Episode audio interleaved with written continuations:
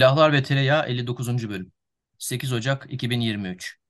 Merhaba, Silahlar ve Tereyağı podcast'i Kubilay Yıldırım'la birlikte silahlar, teknoloji, strateji ve diğer konuları konuşuyoruz. 2023 yılının ilk Silahlar ve Tereyağı podcast'i daha pek çok bölüm doldurmak için enerjimiz, hevesimiz, motivasyonumuz var. Bölümler arasındaki e, sürelerin zaman zaman düzensiz oluşu sadık dinleyicilerin dikkatini çekiyordur. Bu yönde zaten aralarda e, mesajlar da alıyoruz. E, herkese ilgileri ve e, geri beslemeler için teşekkür ederiz. E, tabii ki 2023'ün ilk bölümü ama pek çok bölümünde ilki olduğunu da söyleyebiliriz.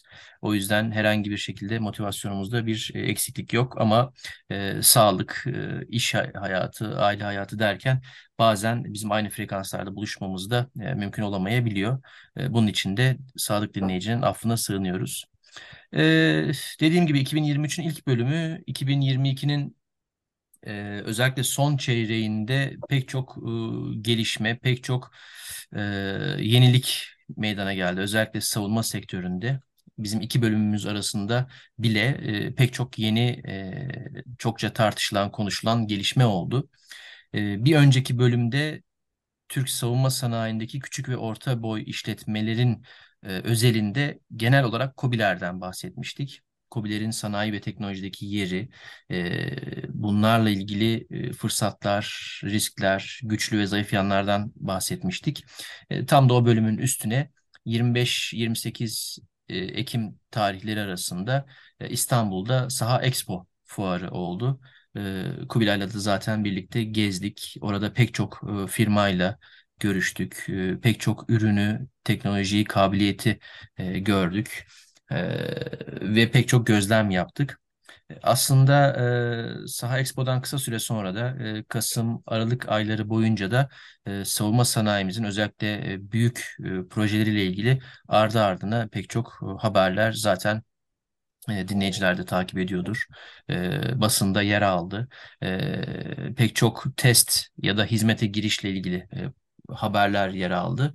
E, aslında e, bu süre içerisinde de biz hem e, notlarımızı e, pekiştirme hem gözlemlerimizi e, çeşitlendirme hem de e, konuşacaklarımızı biraz daha e, yapılandırma diyelim e, fırsatı bulduk.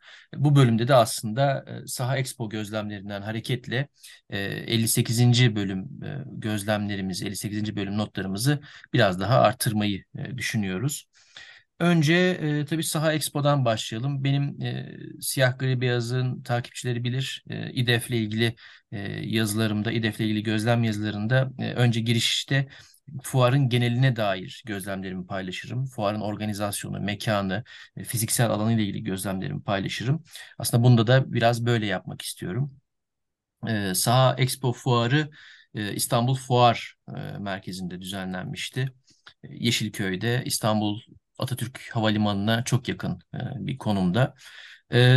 Tabii Atatürk Havalimanı deyince keşke o havalimanında en azından belki iç hatlar için e, faal durumda olsaydı diye düşünmedim değil. Çünkü daha önceki yıllarda İstanbul Fuar Merkezi'ndeki fuarlara, etkinliklere katılırken Atatürk Havalimanı'ndan inip çok kısa, hiç trafikle muhatap olmadan çok kısa bir yolculukla e, taksi ya da araç yolculuğuyla İstanbul Fuar Merkezi'ne ulaşıyor ve e, hiç yorulmamış dinç bir şekilde etkinliğe, fuara, konferansa neyse katılıp e, akşamına da havalimanından e, uçağa binip Ankara'ya dönebiliyordum.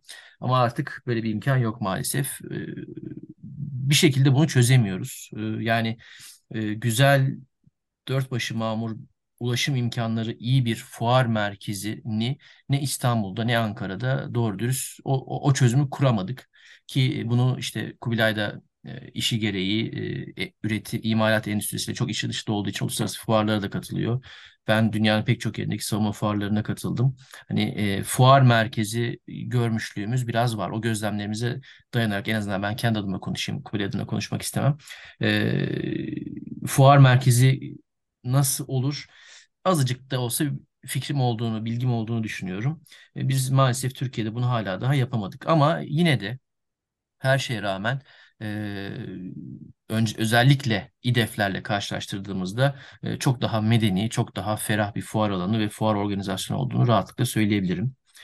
E, rahat bir şekilde gezilebiliyordu. E, bunlar önemli detaylar Rahat bir aslında. şekilde Özellikle giriliyordu bir de. Asıl evet. meselesi o bir de. O Girebiliyorsun evet. içeri. O Yani o çadırın içinde, toz toprağın içinde nice askeri ateşeler, nice firma CEO'larının ben heba olduğunu gördüm İDEF'lerde. Ee, neler neler oldu. Hatta bir İDEF'te e, aynı anda 3 tane Arda Mevlütoğlu içeride geziyordu falan. Ki öncesinde de işte çok sıkı güvenlik kontrolleri yapılacak. TC kimlik numarası bilmem ne yapılacak falan filan. Ben e, şirketimin yöneticisine kendi kimliğimle sokmuştum. Ee, Ya olmuyor, o şeyler olmuyor. Evet yani onlarla karşılaştırılınca çok daha böyle hızlı, medeni bir şekilde e, 3-5 dakika süren bir girişin ardından, işlemin ardından içeri girebildik. E, içerisi zaten rahattı.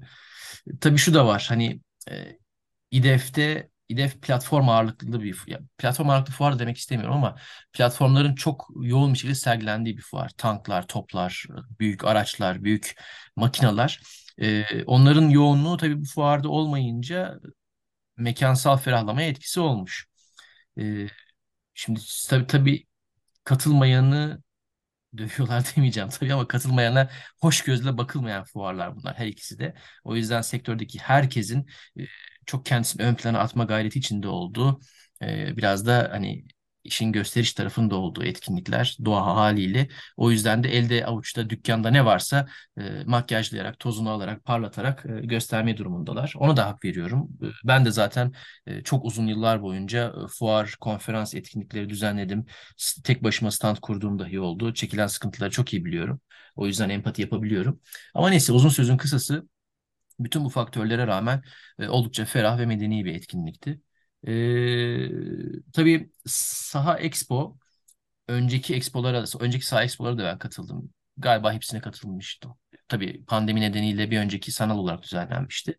E, Saha Expo'nun e, özünde aslında Saha İstanbul organizasyonunun, Saha İstanbul kuruluşunun tabii niteliği yer alıyor. E, Saha İstanbul kuruluşu itibariyle İstanbul ve bölgesindeki savunma ve havacılık sanayinde faaliyet gösteren küçük ve orta boy işletmeleri bünyesinde bulunduran bulunduran bir e, çatı organizasyon, kuruluş.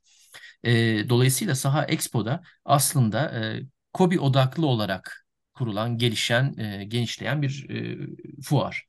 E, tabii e, Saha İstanbul zaman içerisinde artık e, İstanbul ve bölge, Marmara bölgesi sınırlarını da aşıp Türkiye çapında e, bir e, kuruluşa dönüştüğü için e, savunma havacılık sanayi şirketlerinin aslında üye olduğu genel anlamda bir e, savunma sektörü çatı organizasyonu niteliğine büründüğü için Saha Expo'nun da bu doğrultuda genişlemesi, hüviyetini bu şekilde inşa etmesi kaçınılmaz olacaktı ki öyle de olmuş.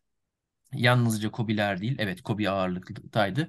Ancak büyük firmaların da e, ciddi anlamda e, yer göster yer e, aldığı, boy gösterdiği bir etkinlik olmuş. O anlamda dikkat çekiciydi. Zaten şimdiye kadar düzenlenmiş en büyük ve en kapsamlı Saha Expo'ydu. Hatta e, benim de gözlemim benzer yönde. E, pek çok e, sohbet ettiğim firma yetkilisi ve e, diğer sektör profesyonellerinin de aslında çoğunun ortak kanaati e, belki bir sonraki Saha Expo e, İDEF'i e, kapsam olarak geçebilir bile şeklinde yorumlar vardı hiç şaşırtıcı olmayacaktır.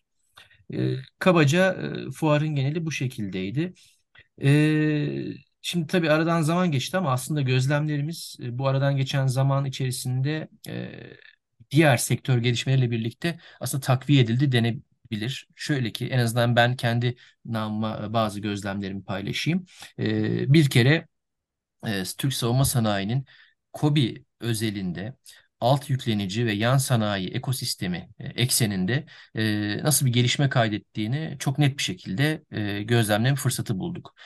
İki sebepten ötürü ya da iki faktörden ötürü bu önemli. Birincisi e, alan uzmanı yani İngilizce tabiriyle subject matter expert SME dediğimiz e, küçük ve orta boy işletmelerin sayısının ve faaliyet alanının ne kadar genişlediğini gördük. E, bu anlamda e, büyük firmaların, ana entegratörlerin, ana yüklenicilerin çevrelerinde onlara iş yapan, çözüm ve sistem üreten firmaların e, sayısının ne kadar arttığını gördük. İkincisi de KOBİ'lerin hangi sektörlerde, hangi faaliyet alanlarında yoğunlaştığını, hangi alanlarda henüz daha çok güçlü bir KOBİ altyapımızın olmadığını, hangilerinde olduğunu da net bir şekilde gördük. Birazdan detaylandırırız. Bu konuda KOBİ'lerin zaten güzel gözlemleri vardı. Sosyal medyada paylaşmıştı. Ee, üçüncü olarak da aslında e, sektörün şu anki bulunduğu konum ile bundan sonrasına dair e, geliş, gelişme ya da sürdürülebilirliğe dair önündeki fırsatları ve riskleri de net bir şekilde görme imkanı e, bulduk. E, ben bunları kendi adıma biraz bir sonraki turda e, detaylandıracağım. E, ancak bu giriş kısmından sonra istersen Kubilay sözü sen devral ve e, gözlemlerini, notlarını paylaş. Sonra zaten e, kayıt öncesinde de konuştuğumuz üzere muhtemelen e, bu bölüm Saha Expo'yu da aşıp Türk savunma sanayindeki KOBİ'lerin konumu ve sektörün genel e, ahval ve şeraiti e, şeklinde ilerleyecek diye tahmin ediyorum. Buyur söz sende. Ha, sağ ol Arda. Ee, senin de biraz önce söylediğin gibi saha fuarı e, rahat gezilebilen, rahat girilebilen, e, medeni bir yerde hani şeyin akşam çıktığımız zaman e, perişan olmadığımız e, gerçekten şey bir yani pozitif bir ortamdı. Herhalde biraz o da e, onun da bir etkisiyle e, ben uzun süredir yapmadığım bir şeyi yaptım ve, ve bir, bir savunma fuarına ikinci günde gittim. E, iki gün gezdim yani bir buçuk gün daha doğrusu e, belki gezdim biraz işte şey e, e, ilk gün giremediğim dehlizlere de gireyim sağda solda dolanayım biraz detayları da kaçırmayayım falan istedim. Çünkü hakikaten fuarın şeyi de muhteviyatı da oldukça doluydu, zengindi. Benim çok hoşuma gitti bir tipik bir mühendis olarak e, ve sektörü uzun süredir takip eden bir insan olarak e, ve aynı zamanda işte söylediğin gibi e, şeyi de işte konumu da şu suda bu suda girişi de çıkışı da için, içindeki hava darlığı da vesairesi de şeydi e, medeni bir ortamdı nispeten e, senin senin de dediğin gibi işte e, bu Avrupa e, tipi e, fuarcılığı falan andırır haldeydi. Ve güzel haberlerden bir tanesi bir öyle kulağımıza çalındı. Bakalım Atatürk Havalimanı'nın bir kısmını fuar ve kongre merkezi yapacaklar diye. E, aramızda hani gülüşmüştük işte ya burada İDEF olur diye hem denizin dibinde hem pisti var hem şusu Evet. var busu var ki zaten e, yani Türk savunma sanayi ve işte bunun e, çevresinde periferisindeki işte sivil havacılık uzay vesaire falan filan işte teknik sanayinin bir fuarı olacaksa bir de böyle bir yerde olmalı. Hakikaten ürünlerini gösterebileceği, uçurabileceği, indirebileceği, kaldırabileceği falan. Ee, hoş gerçi İstanbul hava sahası çok o konuda şey değil. Ee, yani sıkı fıkı bir şey e, hava sahası ama işte bizimkisi de bir hayal. Bakalım bakalım ne olacak. Eğer bu gazla e, savunma sanayi ve ürünler bu gazla bu önemde tartışılmaya devam eder ve bizim için bir gündem oluşturmaya devam ederse önümüzdeki yıllarda ki öyle olacak gibi görünüyor. Bir avuntumuz o çünkü e, kötü giden her şeyin yanında. E, millet olarak diyorum. Evet. E, muhtemelen yine işte hayatımızın orta yerinde, baş köşesinde e, olur diye tahmin ediyorum ve belki de olmalı da zaten. E, bu dev bir sektöre, büyük bir sektöre, potan en azından potansiyeli olan e, bir sektöre e, dönüşmüş. Az önce söylediğim gibi yani iyi hislerle e, e, ayrıldım. E, hakikaten umarım senin dediğin gibi olur. O- Oradayken, fuardayken konuştuğumuz gibi olur. Ben işte daha önce de şey yapmıştık, şey e, muhabbeti geçmişti aramızda. Ben son İDEF'e gitmedim mesela. Ondan bir önceki İDEF'e de o da 19'daydı galiba. Ee, hani gittim ama aman be bu ne ya falan diyerek gittim açıkçası. Fuarın kendi içinden belki değil ama yani Beylikdüzü kırsalında olmasından Kısa evet. evet yani işte şey o, o uzaklıktan e, ondan sonra işte girmesi çıkması içeride e, bir yiyecek içecek bir şey bulmanın zorluklarından şundan bundan falan. Ben e, itiraf edeyim sevmiyorum TÜYAP'ı ve oradaki o devliği de sevmiyorum kayboluyorum. Ölçekler çok büyük. Çünkü sistemler çok büyük insanlar anlamıyorlar Doğru. onu. Firmalar İDEF'te işte ana firmalar işte Aselsan'ın şu su bu su bilmem nesi falan ee, orada gövde gösterisi yapacağız diye holleri falan kiralıyorlar onu oraya bunu buraya koyuyorlar falan ama insan perspektifi ve ölçeğinin ee, ötesine geçiyor onlar. İşte bahçede e, paletli araçlar bilmem nerede şunlar bunlar anlayamıyoruz. Yani şeyin perspektifinin içerisine sığdırıp alamıyorsun ve anlayamıyorsun. Yani tonlarca e, tonlarca çeliği, tonlarca maketi ıvır zıvırı mobilyayı yığıyoruz oraya. Falan filan işte bunlar, bu muhabbet bitmez. Bu çok da belki alakalı değil. Ee, sahaya dönüyorum çok dağılmadan. Ee, e, şey e, saha güzel bir fuardı. Ben uzun süredir e, Aa, iyiymiş iyi iyi çok güzel vay o devam edin devam edin falan diye şey gibi e, karikatürize bir karakter gibi e, dolaştığım ve çıktığım e, böyle pozitif hislerle çıktığım bir fuar bir şey falan yani endüstri fuarları olsun şu olsun bu olsun pek hatırlamıyorum savunma fuarları hakeza. E, iyi bir şeydi. E, iyi bir e, özet sunuyordu bence. E, saha ya ne yapar saha? Ne işe yarar? falandı filandı derken mesela bu fuarla e, işte bak bunu yaptı mesela. Bu bu kohezyonu sağladı e, diyebiliyorum. E, az önce senin de belirttiğin gibi ana firmaların hep bildiğimiz işte yine TUSAŞ'tır, Aselsan'dır, şudur budur vesairedir. Onların e, dev platformları, dev şeyleri yığdıkları. E, bakın biz aslında hani hep güldüğümüz bir e, e, bir Aselsan e, röportajı vardı. İDEF 2019'dan mıydı, 2017'den mi? Hani Aselsan makes everything e, diyen bir şey. E, evet, evet, evet. işte özeti o olan şey. E, onun falan işte gözümüze sokulduğu falan bir şey.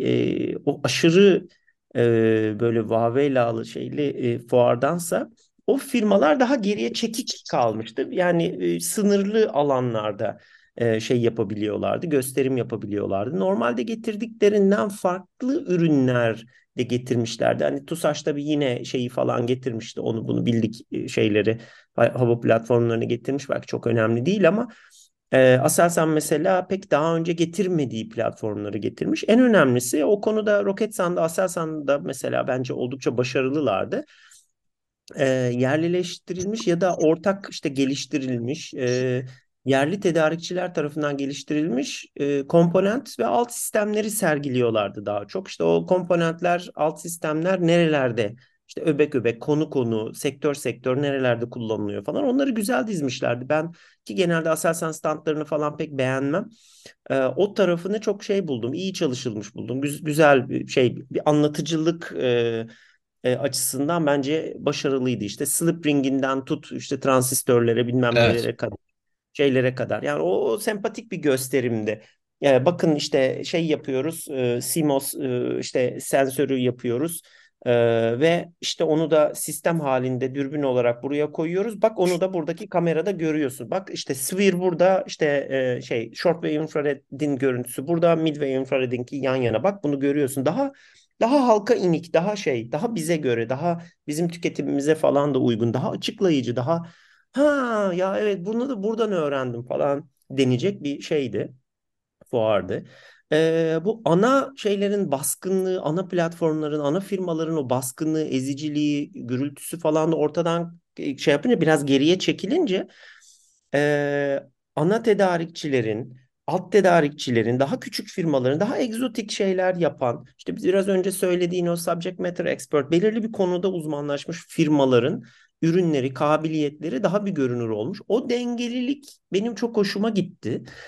E, çünkü aslında işte e, yani daha önce de muhtemelen bu örneği vermişimdir. Hani Everest zirvesi neden e, işte dünyanın en yüksek zirvesi? Çünkü Himalayaların üzerinde oturuyor ve o, o şeyin Himalayalar sıra dağları da e, sektörün e, işte o alt sistem üreticileri ve bunların çokluğu, bunların e, konularında geldikleri derinlik, özelleşme, e, kendi başlarına ürün çıkartır, kendi başlarına konsept geliştirebilir olma cesaretine sahip olmaları çok etkileyiciydi. Çünkü hep e, bizim yine e, eleştirdiğimiz daha önceki İDEF fuarlarında ya da işte farklı temaslarımızda e, okuduğumuz makalelerde falan anladığımız şey sektörün genelde bize emir verilsin bunu da geliştiririz, bunu da yaparız ya Evet. da biz işte Evet. daha çok bunu da paketleriz olarak e, algılıyorduk.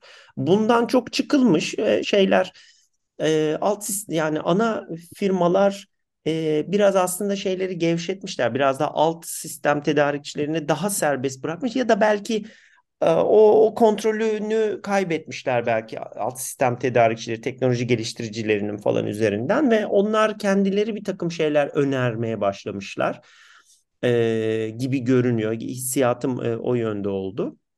E, ve dolayısıyla e, sektörün yaygınlığı paralel yani aynı zeminde yaygınlığı çok gelişmiş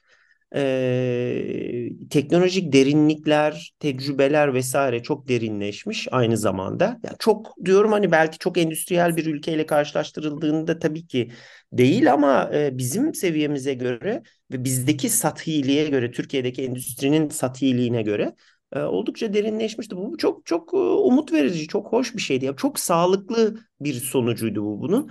Bu sağlıklının altını çiziyorum. Türkiye'deki ee, Türkiye'deki sanayinin ya savunma sanayi tabii çok gündemimizde çok şöyle çok böyle falan filan diyoruz ama Türkiye'deki savunma sanayinin e, bu bu gelişimi ve büyümesi ve hacmi e, hacmi büyüklüğü e, ve ürün çeşitliliğinin falan yanında aslında oldukça sağlıksız giden e, çok da e, şey olan e, risk barındıran, e, yeterince sağlıklı olmayan ya da kendini çevirmeye yetmeyen, işte insan kaybı gibi şu anda yaşadığımız beyin göçü vesaire gibi bir takım dış zorlayıcı, çok zorlayıcı etmenler söz konusu olduğu zaman riske giren falan bir dolu kolu kanadı dalı budağı vardı. E, bunlara rağmen e, benim hani endişeyle baktığım sektöre e, tedirginlikle ve bütün böyle şeyle yani bir, bir Türk vatandaşı olarak eyvah ki ne eyvah diye baktığım genelde işte ruh halimin o şekilde e, e, ruh halime hakim olan bu endişenin yanında yüzümü güldüren bir e, taraf oldu. E, bu bu bu yaygınlık, bu gelişkinlik.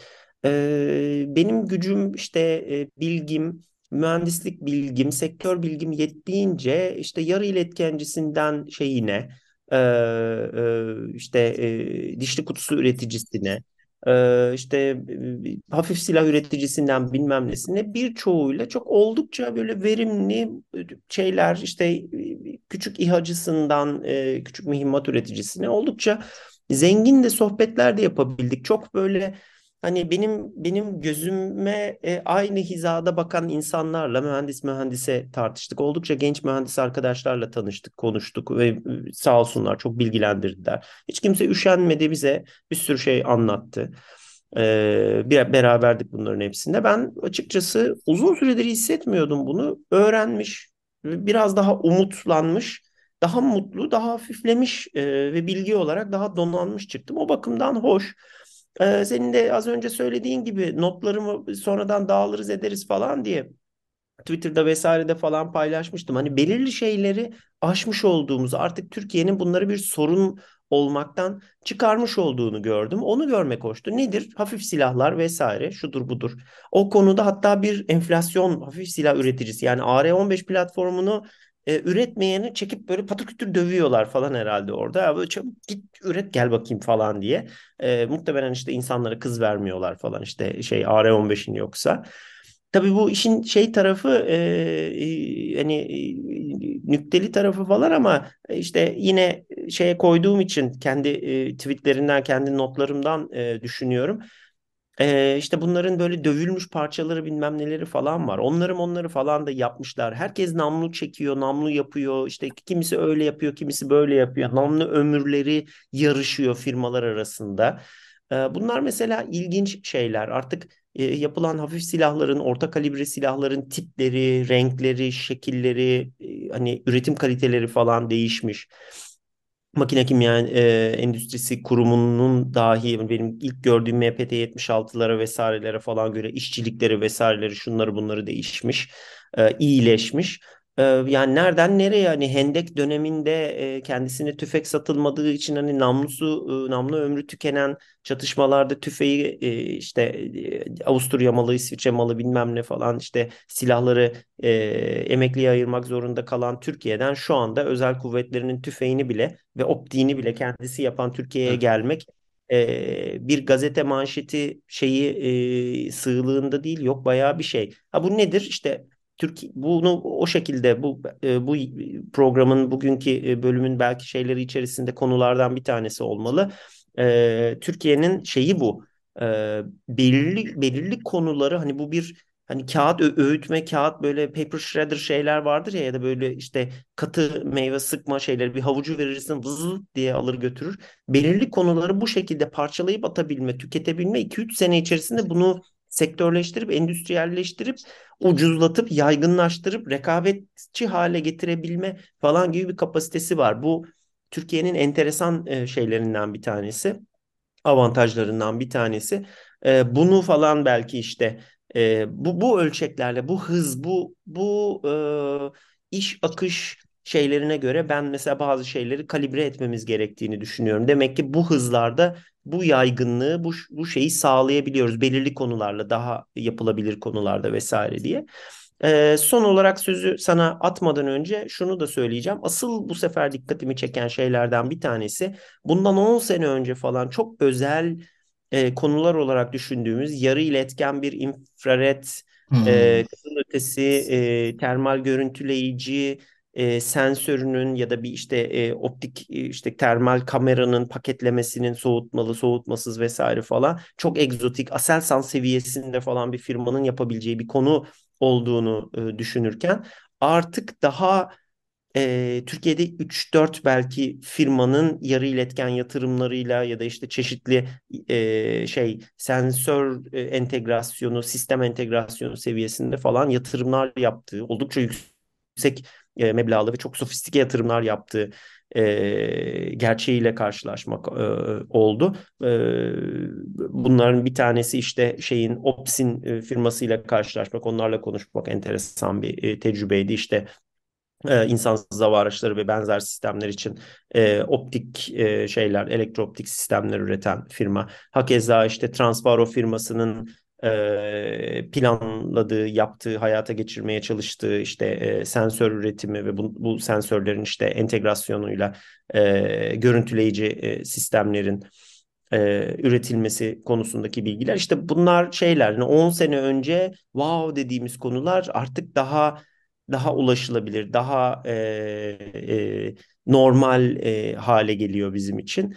E, bunu da e, buna da şahitlik etmek, bunu şöyle hep bir tek bir kapalı alan içerisinde görebilmek, e, karşılaştırabilmek oldukça enteresan bir tecrübeydi. E, bu şeyler hani bu notlarla e, işte e, bu kadar bayabilirim herhalde diyorum dinleyicileri. E, deyip ondan sonra şeyi şimdi Tekrar topu sana atayım. İkinci turda biraz daha e, fikir teatisi yapalım. Ee, şimdi sektörel e, gelişmeler olduğu kadar e, ülkelerin gelişmelerinde de aslında her ülkenin ya da her sektörün iç dinamikleri, koşulları e, farklı olduğu için hikayeler de büyüme ya da büyümeme ya da çökme hikayeleri de tabii kendilerine özgü oluyor. Yani bir ülkenin veyahut bir sektörün e, gelişme, büyüme şeklini, e, sürecini başka bir ülke ya da başka bir sektöre doğrudan uyarlamak e, çok mümkün olmuyor. Şimdi bizim savunma sanayimizin işte hepsi söylenen e, genel geçer herkesin artık e, bildiği 1970'lerde Amerikan ambargosu sonrasında başlayan o yeniden kurulma ve bugünlere gelme süreci kesintisiz değil. Kesikli kesikli uçuca eklenmiş e, bir e, tarihsel süreç. E, ve bu süreç içerisinde de farklı yöntemler, farklı sektör politikaları izlenmiş. E, sektördeki şirketlerin birbirleriyle, e, kamu ile e, ve son kullanıcı ile ilişkileri farklı dinamikler çerçevesinde şekillenmiş. E, bunları neden anlatıyorum? Şimdi Saha Expo aslında Türkiye'de bu e, sektör içi e, dinamiklerin, ilişkilerin e, iyisiyle, kötüsüyle, doğrusuyla, yanlışıyla nereye geldiğini, ne konumda olduğunu görmek için güzel bir fırsattı. Ee, senin de detaylandırdığın gibi KOBİ'lerin belli konularda e, hakikaten bazı psikolojik, e, finansal ve teknolojik bariyerleri aştığı hatta çok ötesine geçtiğini gördük.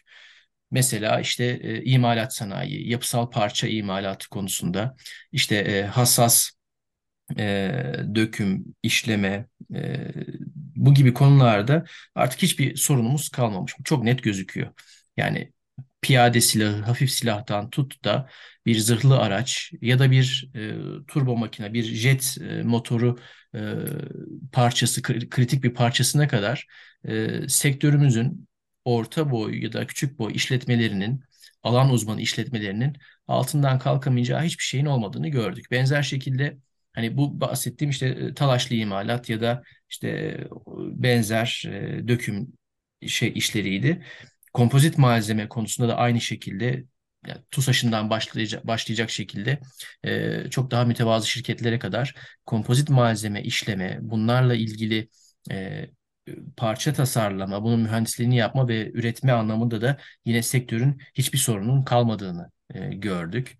Ee, onun dışında e, sensör konusunda, sensörlerin alt bileşenleri konusunda da e, şaşırtıcı derecede, en azından beni şaşırt şaşırtan şekilde e, çok farklı aktörlerin artık e, ürün tasarlayan, üreten konuma geldiğini, ciddi yatırımlar yaptıklarını, yapmaya hazırlandıklarını gördük. Şimdi bu bize şunu anlatıyor. Bizim sektörümüzün az önceki sözlerime geri döneyim. 1990'lardan itibaren özellikle e, gelişmesi e, platform projeleri üzerinden ve e, özellikle vakıf şirketlerinin teşkil ettiği o ana yükleniciler kümesi üzerinden gitti. Yani biz platform projelerine başladık. Önce lisans altında üretim, sonra mo işte montaj, ortak geliştirme neyse. Daha sonra da 90'lar sonu 2000'lerin başlarında yavaş yavaş özgün tasarım ama yine platformlarla devam ettik. İşte Milgen bir platform. Anka, Atak, Altay e, bunların hepsi birer platform.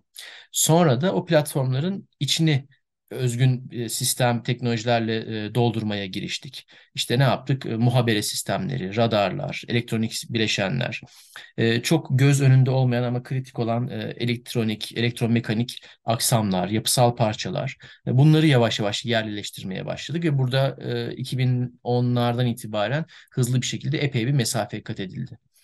Ee, şimdi bu iki, bahsettiğim 2010'lardan itibaren mesafe kat edildi dediğim o süreçteki mesafeyi kat edenler işte bu fuarda gördüğümüz firmalardı ve onlardan türeyenlerdi.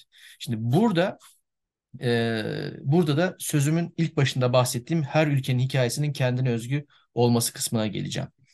Bizde e, sanayi, savunma sanayi ve aslında diğer ileri teknoloji sektörlerinin hepsi de tabii sıfırdan kuruldu. Sıfırdan kurulmasının e, esprisi şu. Savunma sanayi e, hemen hemen pek çok ülkede aslında e, ağır sanayi, imal, e, otomotiv sanayi gibi alanlardan çok ciddi şekilde beslenen bir sektör. Yani e, tabii ki her ülke savunma sanayinde belli bir konuma gelmiş her ülke özellikle e, gelişmekte olan ülkeler hepsi sıfırdan kuruyorlar. Ancak e, pek çok ülkede bu sektör aslında e, diğer mevcut sektörlerden beslenerek gelişiyor. Bizde bu çok fazla olmadı. Hatta neredeyse hiç olmadı. Bizde sektörün kendisi münhasıran Türk Silahlı Kuvvetleri için üretim yapmak üzere devlet kontrolünde bir sektörel e, planlamayla e, kurgulandı, tasarlandı ve ana amacı Türk Silahlı Kuvvetleri için üretim yapmak olan bir şekilde gelişti. Ama şu anda geldiğimiz noktada sektör e, Türk Savun Türk Silahlı Kuvvetleri için ve ihracat için üretim geliştirme yapıyor. Hatta pek çok üründe gördüğümüz üzere üretilen ürünler Türk Silahlı Kuvvetleri'nin hizmetine değil önce e, ihracat pazarına sunuluyor ya da ihracat müşterilerine sunuluyor. Şimdi Pek çok ülkede, işte Güney Kore bunun güzel bir örneği. Ee, Brezilya zamanında Arjantin, e, Brezilya'nınki de aslında zamanında değil o da bayağı bir şey olmuş. Bunlar da e, savunma sektörünün gelişimine baktığımızda komşu sektörlerden beslenerek büyüyen bir şey görüyoruz. Ha bunun antitezleri de var. Mesela İsrail 48 yılında ülke kurulur kurulmaz savunma sanayi de önce eldeki uç, silahların, araç gerecinin bakımını yapmak için kurulmuş. Neden? Çünkü varlık savaşı veriyorlar ya da çok ciddi kurulur kurulmaz savaşların içine giriyor. Var olmak için üretim yapmak durumdalar. Ya da işte e, Güney Afrika e, ambargo altındayken, e, yaptırımlar altındayken bir de dört bir yanında da işte güvenlik tehditleri var. E, kendi silahlarını üretebilmek için yapıyor ama aslında Güney Afrika'da biraz ortada bir örnek çünkü onlarda diğer sektörlerden beslenen bir yapısı var. Şimdi Türkiye'ye geri dönelim. Bizde önce platform projeleri ve önce o piramidin en tepesindeki ana yüklenicilerden başlayarak gelişen bir sektör kurgusu var. Bunlar daha sonra o tabana hep konuşula gelen söylenen ekosisteme e, dönüştürülüyor. Ne, ne oluyor? İşte Aselsan e, Ankara'da işte Macunköy tesislerindeki Aselsan çevresinde Ostim'e çok yakın e, Ostim'de e, alt yüklenicileri, tedarikçileri üzerinden bir e, tedarikçi ağı oluşturuyor, bir şebeke oluşturuyor. İşte şu sıralarda kurulmakta olan, yavaş yavaş faaliyeti geçmeye başlayan Havacılık Uzay İhtisas Bölgesi var HAB e, Kazan'da, e, TUSAŞ'ın hemen yanı başında. Orası bunun bir başka örneği e, ODTÜ Teknokent, sonra işte Hacettepe Teknokent, Bilkent Cyberpark bunlar e, yine e, özellikle işte TAI, Aselsan, e, Roketsan gibi firmalara buradaki küçük şirketler, işte startuplar, orta boy işletmeler e, özellikle yazılım konusunda, ileri teknolojiler konusunda e, tedarikçi olmaya başlıyorlar. Şimdi o yavaş yavaş da bunu, bu tedarikçi küçük firmaların büyüdüğünü görüyoruz. Daha sonra ne oluyor? Bu da çok yakın zamanda aslında e, ivme kazanan bir olgu. Şimdi anlatacağım. Büyük firmalardan, ana entegratör firmalardan e, belli konularda ihtisaslaşmış kişiler ya da ekipler ayrılarak spin-off dediğimiz kendileri alan uzmanı şirketler kuruyorlar. Bu yani spin-off dediğimiz mevzu e, sadece savunma için değil diğer ileri teknoloji pek çok alan için çok kritik bir olgu. Doğru yönetilirse eğer sektörün gelişmesini gelişme hızını geometrik olarak artırabilecek bir şey. Çünkü e, spin-off'lar sayesinde çok dinamik, çok hızlı şekilde üretim yapabilen, e, üretim yapabilen derken bir fikir, proje üretebilen, bir çıktı üretebilen e, küçük firmaları ortaya koyup bunlar üzerinden aslında nüfuz alanınızı birdenbire artırabiliyorsunuz. Yani e, çok dev bir firmanın işte kendi departmanları, o departmanın altında işte şubeler, müdürlükler neyse o, o ve hantal olmak kaçınılmaz oluyor tabii. O hantal yapının içerisinde e, o bürokratik kaosun içerisinde kaybolan fikir, proje ve dinamizm yerine e, ihtiyaç olan e, teknoloji, fikir, ürün, yazılım neyse onları çok kısa bir sürede üretebilen, bunu rekabetçi bir şekilde yapabilen e, küçük küçük böyle minik minik e, ileri üslere sahip oluyorsunuz. E, ben bu tür firmaların bir kısmıyla yakın zamanda muhatap oldum. Bazılarıyla iş yaptık, bazılarıyla e, ciddi anlamda iletişimimiz oldu. Ve hakikaten normal şartlarda e, çok daha büyük kurumsal bir firmadan e, çok uzun sürelerde çıkabilecek ürün ve projeleri biz bu tür e, küçük e, spin-off'larda, yani alan uzmanı şirketlerde hızlı bir şekilde şey olabildiğini gördük. Ortaya çıkartılabildiğini gördük. Spin-off'lar bu anlamda sektörün gelişmesi için hakikaten çok önemli. Son yıllarda e, bu tarz e, firmaların çıktığını görüyoruz. Hatta seninle uzun uzun sohbet ettiğimiz bu e, şey e, APU üreten APU üretiyorlardı bir firmayla sohbet etmiştik. Onlar mesela çok büyük bir e, vakıf şirketinden ayrılan e, personelin kurduğu bir firmaydı. Yanlış Şey, hatırlamıyorsam. e, SS, accessory gearbox üreten Heh, aynen, için. aynen. Ve ne kadar etkileyiciydi. Orada yaptıkları iş hakikaten çok şeydi. Yani teknolojik olarak da ciddi ciddi iş, emek var belli orada. Ee, bu tür firmaların e, ortaya çıkabilmesi için e, bir sektörel şeyin olması lazım destek ve teşvik mekanizmasının olması lazım. Spin-off'lar hakikaten e, kısa süre içerisinde büyüyebiliyorlar. Doğru yönetilir ve yönlendirilirlerse e, rekabetçi olabiliyorlar. İhracat pazarında hakikaten çok e, yırtıcı olabiliyorlar.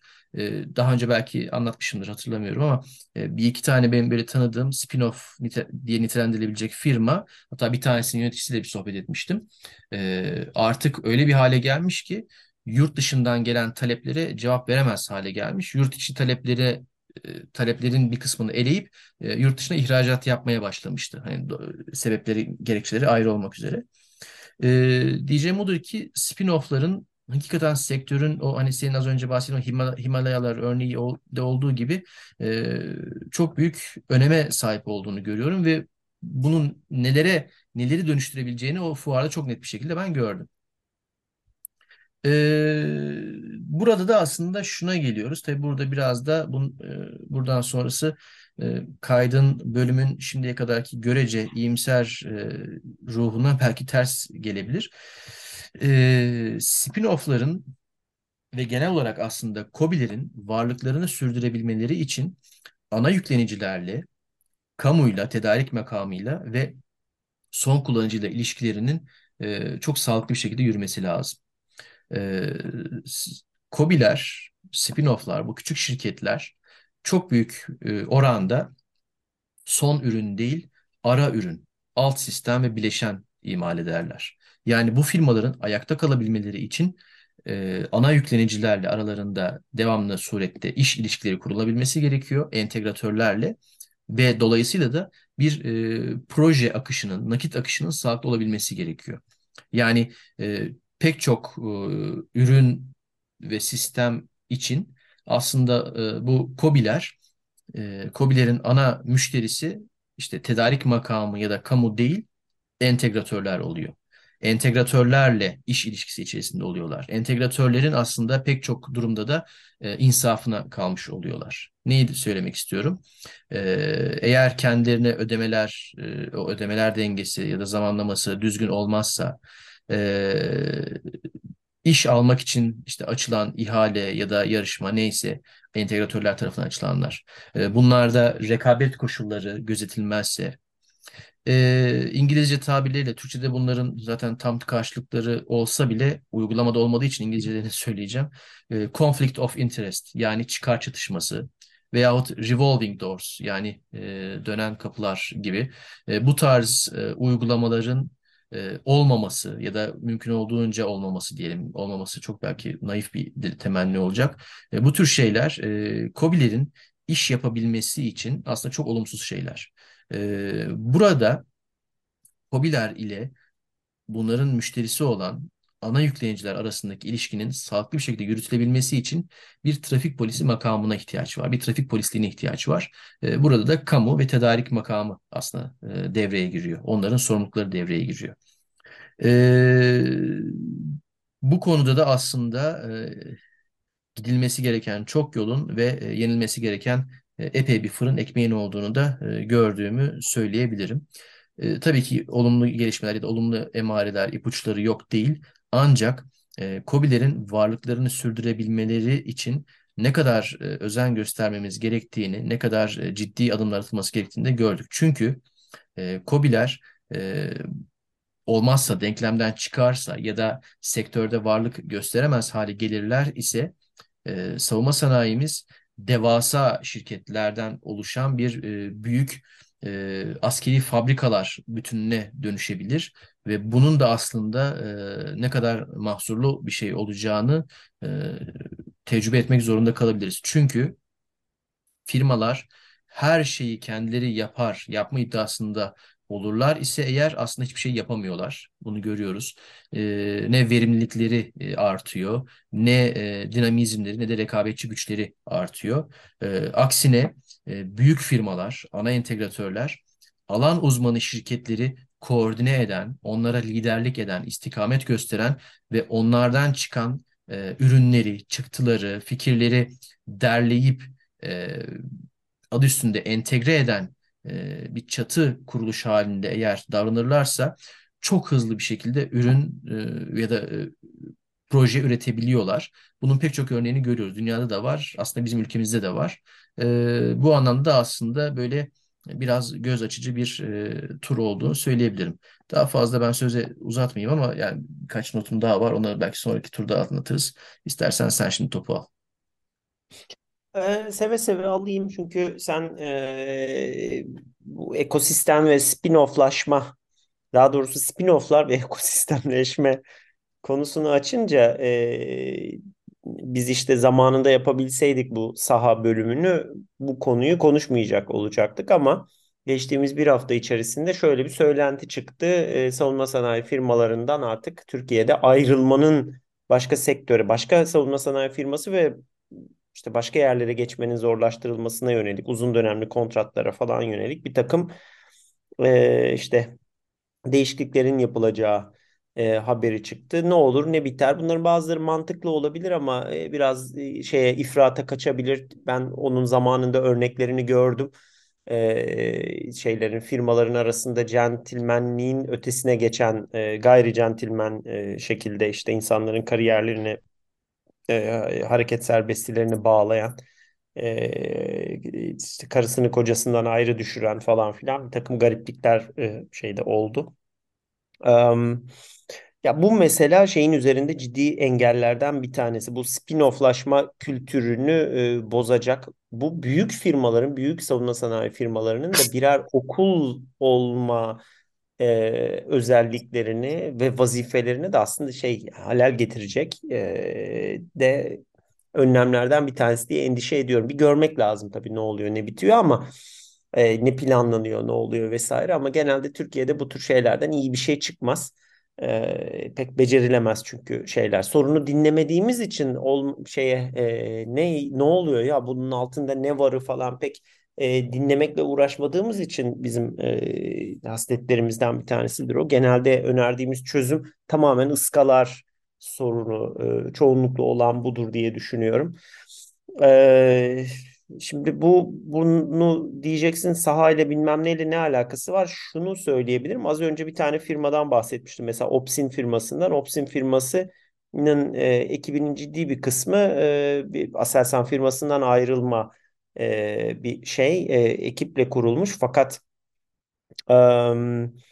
e, yani şeye baktığınız zaman işte bu hani teorik olarak böyle bir engel ortaya çıktığı zaman e, bir daha Türkiye'den bir Opsim firması gibi bir şey çıkmayacak belki işte elektrooptik sistemler daha minyatür daha işte ya da e, şey orta seviyelerde ya da daha büyük e, daha gelişmiş elektrooptik sistemleri ne bileyim işte e, lazer mesafe bulucuları lazer dezignatörleri şunları bunları falan yapmaya soyunacak. Belki başka bir firma çıkamayacak ve bu çok e, şey e, işte şeylerin içerisinde tekelleşmeyi getiren e, yine o eski günlere belki 10-15 sene öncesine geri dönüşü getiren biraz da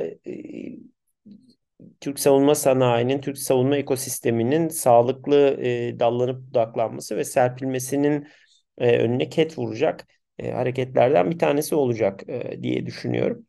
Ee, bunu bir not olarak, bir parantez olarak geçeyim. Bir e, e, bakalım göreceğiz ne olacak. Ama işte yani benim o konuda pek iyi bir şeyin çıkabileceğine dair dediğim gibi e, umudum yok.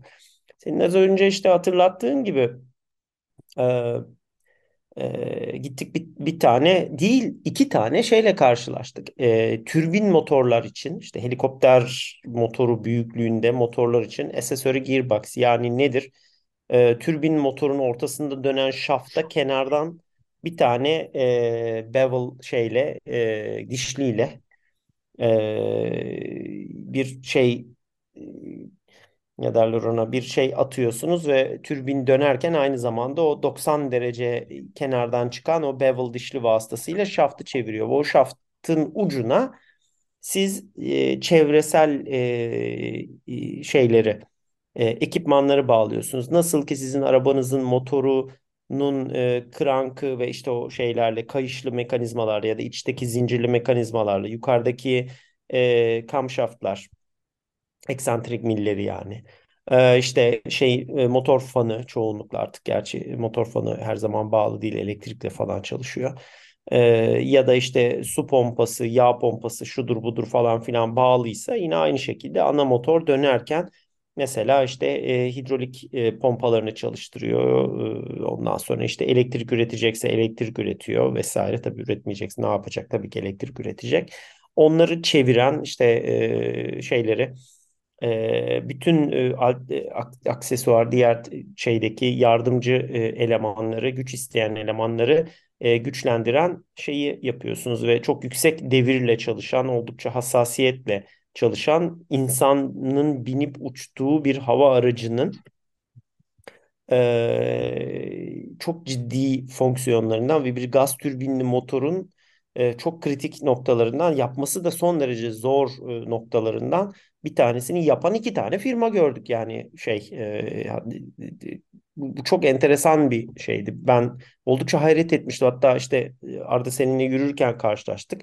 Ama bu bayağı bildiğin accessory gearbox koymuşlardı. Evet, Yani hiçbir evet, evet. tabela yok, hiçbir şey yok. Firma ürkerek belki işte Belki belirli NDA'leri, gizlilik sözleşmeleri vardır, şu vardır, bu su vardır, bilmiyorum ne olduğunu. İşte e, hani bunu koyun ama göstermeyin, gösterin ama anlatmayın, anlattın ama işte bilgi vermeyin falan demişlerdi. Bilemiyorum ne olduğunu.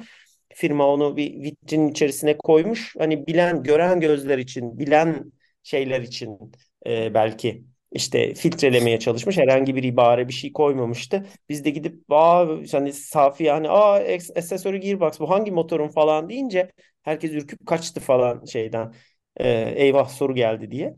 Ee, Hani e, o seviyede aslında firmaların e, çok yani bunlar tabii çok sofistike projeler, çok da büyük ekiplerle falan yürüyorlar ama demek ki e, işte e, firmalar bu genişlemelerini, bu derinleşmelerini e, yer yer kendi adacıklarında, kendi e, şeylerinde, özelleşmiş konularında e, bu şekilde e, götürmeyi tercih e, etmişler ve e, yani hani bir Türk vatandaşı, bir mühendis ve şeyin endüstrinin içerisinde çalışan bir Türk vatandaşı olarak hani bunu görünce insan biraz şaşırıyor tabii ki. Yani bunlar çok sofistike konular. Çok zor, çok pahalı şeyler ve e, çok çok pahalı ürünler. Know-how'ını yapabilme know-how'ını yapabilme, tasarlayabilme know-how'ını ortaya koyabilmek için harcanması gereken adam saat, emek, yazılım bilmem ne e, ter, hata yapma, hurdaya çıkarma maliyetleri çok yüksek işler. Ya bunlar hakikaten bu biraz işte Türkiye'deki ölçek e, garabetinin ve tuhaflığının bir şeyi bu. Ya bunlar çok zor işler ya gerçekten. Hani bir fuarda "Lan yoktu bu deyip bir anda iki tanesiyle falan karşılaşmak e, bunlar e, hani bu işlerin ne kadar zor olduğunu bilen benim gibi teknik bir adam için böyle halen hazmedilmesi kolay şeyler değil. Lan biz bunu nasıl yaptık? Yani nasıl oluyor bu? E, yu sorgulattıran şeyler. Şimdi senin biraz önceki endişene e, dönüp dolaşıp biraz e, fazla lakırdıyla ulaşmaya çalışıyorum.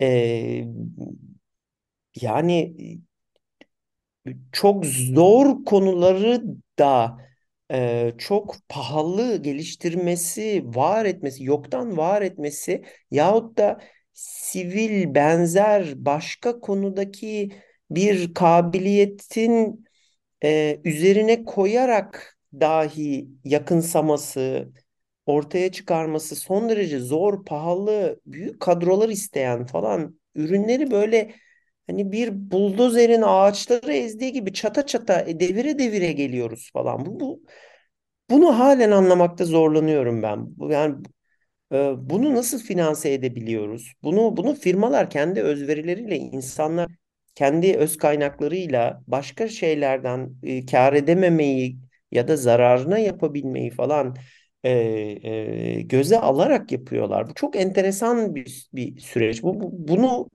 Em, bunu dediğim gibi şey yapmaya çalışıyorum. Anlamaya en başta ve ondan sonra hazmetmeye ve ne oluyor ya buradayın bir, bir, bir haritasını e, çıkarmaya çalışıyorum. Yani şeyi anlayabiliyorum mesela işte gittik orada orta kalibre silahları da gördük. Bir baktık şey Aselsan Konya ya MK'ye bir şey MK'ye Kırıkkale bilmem ne şu bu ya da Canik falan değil ya bildiğin Aselsan Konya. Bir dakika siz orada şey diye kurulmadınız mı ya? Ee, ne bileyim işte sarp yapmak bilmem ne kule yapmak için falan. Hayır adamla oturmuşlar orta kalibre silah Evet. geliştirmişler. Tamam evet bunların belirli modelleri var bir esinleniş var hani şey böyle çok yenilikçi çok devrimsel falan bir şey değil ama e, oturup yapabiliyorlar bir de namlusunu falan yapabiliyorlar. Yani işte e, oturup sonra bir videoda izledik 75 milimetre e, çapa kadar yani şeye kadar e, kalib e, merdane çapına kadar biz namlu yapabiliyoruz falan diye. E, bunu şaşırttı beni çok o silahları orada görmek ama evet iyi kötü yani bir şey ihtiyacı var demek yani. Konu olarak falan bağlayabiliyorum birbirine. Çok iyi ama ya bunlar için yok ATK'dir şudur budur e, falandır. İşte e, bir, bir sürü ana firmalar var ya bunları yapan. Yani üretilen ürünler e, işte Bushmaster'lar ATK'ler falan ayarında ve böyle hani bir de değil ya üç silah birden falan. Bir yetmez abi üç falan gibi böyle. Hani büyük ölçü bunlar büyük işler bunlar büyük endüstriyel kalkışmalar onu anlatmaya çalışıyorum. Böyle ucuz basit falan şeyler değil tamam hani 80 milyonluk ülke şudur budur vesairedir eyvallah da hani şeye ya hani neredeyse aynı anda 3 tane e, hani tabancacılıktan gelme hafif silah firmamızın 12.7 işte e, M2 üretiyor olması işte bin, bir tanesinin bilmem kaç bin teslim etmesi öbürünün namlu ömrünün 20 bini bulması falan ve bunlar hadi bunu anlayabilirsin abi oradan oraya bir işte hafif silahçılıkla başladınız tüfekçilikle gittiniz buraya doğru büyüyorsunuz doğal bir şey falan. Ama bu seviyede sofistike adedi az ee, ve çok mühendislik gerektiren yani bunlar aynı zamanda bir mekatronik iş ya mermi besleme falan yapıyorsun. Yani sadece bir iç balistik dış balistik ve üretim teknolojisi meselesi değil bu bir de mekatronik tarafı var bunun. Ee, şey yapıyorsun yani elektrik motoruyla falan e, şey sürüyorsun mermi sürüyorsun işte bir pini elektrikle ateşliyorsun ya da bilmem neyle şey yapıyorsun falan böyle garip grup işler var. Ondan sonra e, bir, bir ondan, şeyi var yani işte e, e, zor üretimler bunlar. Hani seri üretim meselesi daha özel, daha böyle urban ustanın topu kılıklı şeyler bunlar. Hani onlara da mesela Aselsan Konya'nın e, girebilmesi ve ürün çıkartabilmesi falan çok enteresan. Hani ürün çıkartabilmesi diyorum. Ürünlerden bir tanesinin üzerinde molibden şey yağının kokusundan durulmuyordu yani e, şey kokusu ee, hani İngilizce'de vardır ya hani e, şeyde o cordite kokusu havadaydı diye Evet, diye evet, evet. filmlerine gelirsem şey kokuyordu molibdenle böyle o barut kokusu falan şey gidince e, bayağı enteresandı. Poligon gibi kokuyordu yani şey standı Aselsan Konya. Güzel kokuydu. E yani 35'i çakıp çakıp gelmişler işte şeyi e, ya, hangisi 35 dedim 35 ile atış yapılıyordu. İşte 35 30 evet. Evet. milimetre 30 milimetre oldu olacak e, falan filan işte şey e, sonra kısa 30 30'a 113 falan yapılmış. Ama aynı fuarda iki tane 30'a 113 şey çıktı lan yoktu bunlar. Bir anda çıkıverdi işte. Bir tanesi tamam hadi o eski Aden'i şey yapan Canik e, o İngiliz firmayı alınca oldu. Öbürü kendisi yapmış işte şey. Ya biz şeyi konuşuyorduk hani e, bu Atak 2 dediğimiz o T929'un burun topu ne olacak vesaire falan derken şu anda bir anda iki tane olasılık çıktı ortaya. Şimdi tabii e, şey diye e, sunuluyor bu 30 çarpı 113 e, Atak'ın burun topu vesairesi falan diye sunuluyor da 30 çarpı 113 aslında çok popüler olan bir ürün grubu haline gelmeye başladı. E, çünkü e, hafif geri tepmesi falan da düşük olduğu için e, hafif bir silah geri tepmesi düşük ama e, şeyli tapalı tapalı mermi atabiliyorsun. Kinetik enerjisi yine de fena değil. Ee, öyle 40 milimetre e, otomatik bomba atarların falan şey gibi yavaş da değil. Yani böyle bir yarı balistik şeyle falan da gitmiyor. Bayağı bildiğin işte e, şey mermi yoluyla e, şey tevcih edebiliyorsun. Hızlı mermi atabiliyorsun. Bir de tapalı mermi havada paralayabiliyorsun. Ya da işte çarpınca patlayan, yangın çıkaran, zırh delen falan e, mermiler yapabiliyorsun. 30 ona imkan tanıyor. E, havada birilerini vurabiliyorsun. Yani şeyleri drone drone vurabiliyorsun. Dolayısıyla işte Amerikalılar aslında bir nevi o şeye geçtiler. 30 milimetre mermiyle parçacıklı şeyle işte havada drone küçük dronları onunla vuralıma geçtiler mesela. İşte Fransızlar 40 milimetre ile e, benzerini deniyorlar o şeyle yavaş e, mermilerle. E, bomba atar mermileriyle vesaire. Daha doğrusu hızlı bomba atar ama aslında yavaş e, mermilerle e, o tür kullanımları artan deniz kullanımları vesaireleri falan artan bir şey yani ya da işte e, bakıyorsun hani 30 milimetre şey koyabiliyorsun bir tane. Hani ağırca bir sarpa takabildiğin. Çünkü 12.7 milimetre Canik'in işte şeyi 30-113'ü 12.7 milimetre e, M2 kadar hemen hemen ondan bile düşük geri tepmesi olan falan bir silah. Onu bir şeye koyabiliyorsun. E, ağırca bir sarpın üzerine koyup bir 4x4 e, zırhlı aracın üzerine koyabiliyorsun ve başka bir şey haline geliyor bu. Hani hep benim e, içim yanar ya işte Akil Tepesi'nde böyle bir şeyimiz olsaydı işte e, STA'mız olsaydı şu olsaydı bu olsaydı Evet. E, böyle bir tane aracımız olsaydı Akil Tepesi'nde şimdi e, o gelen bomba yüklü BMP'yi kevgire çevirirdi. Ee, işte bu tür bir takım işte avantajları sağlıyor. Yani bunlar falan ortaya çıktı bir anda. Ee, yani biraz işte bunu anlamak tabii şey çok kolay işte e, işte gümbür gümbür geliyoruzu falan hani o şeye akıntıya kapılmak kolay ama ya bunların hepsinin bir maliyeti var. Maliyeti derken hani firmalar için bir maliyeti var. İnsanların enerjisi, nesillerin zamanı, e, yılları geçiyor bu şeyden ve bunları şeye dökebilmek lazım e, ürüne dökebilmek, hızlıca paraya dökebilmek. Firmaların bu bu derinlikten, bu yaygınlıktan, şu, şu andaki genişlik çok güzel ama çok az önce senin söylediğin gibi e, e, çok çok e, ana e, tedarikçilere ya da sistem seviyesindeki e, satıcılara büyük sorumluluklar yükleyen bir e, konu. Bunların çalışması, bu üretim hatlarının çalışması lazım. Aselsan Konya'nın çatır çatır 30 milimetre, 35 milimetre satıyor e, sistem satıyor olması lazım. Bunu Sarp'la yok işte te, Teber Kulesi'yle Teber miydi neydi işte bir şeydi onların kuleleri. İşte o kuleyle bu bilmem neyle onun zırhlı araçla bunun bilmem neyle vesaireyle falan bunların çalışması lazım. Bu tezgahların işlemesi lazım ki e, üretimi yapan ekip bir yana, e, üretimi kovalayan ekip bir yana, ta, tasarımı geliştirmeyi, iyileştirmeyi yapan ekip bir yana e, maaşlarını alabilsinler. Hadi Aselsan Konya görece şey e, bu tür şeyleri finanse edebilir belki.